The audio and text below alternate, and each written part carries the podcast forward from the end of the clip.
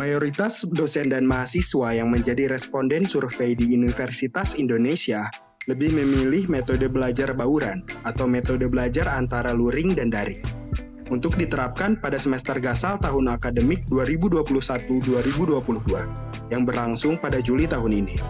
Survei itu dilakukan terhadap 20.533 responden per 15 April 2021 dari survei itu disebutkan bahwa dari total responden, sebanyak 18.923 orang di antaranya adalah mahasiswa, sedangkan 1.610 orang di antaranya adalah dosen dari 14 fakultas.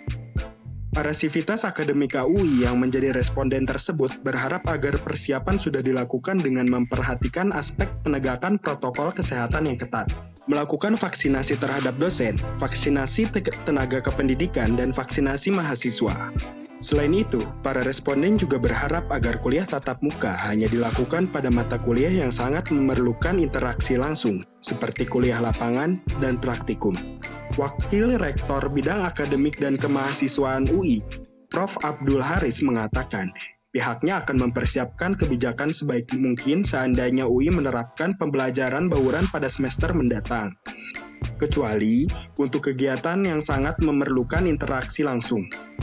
Sebelumnya, surat keputusan bersama empat menteri tentang pengadaan penyelenggaraan pembelajaran di masa pandemi COVID-19 telah diumumkan pada 30 Maret 2021. Salah satu poin yang digarisbawahi dalam SKB itu adalah mengenai akselerasi vaksinasi sebelum pembelajaran tatap muka terbatas dilakukan pada pertengahan 2021 ini.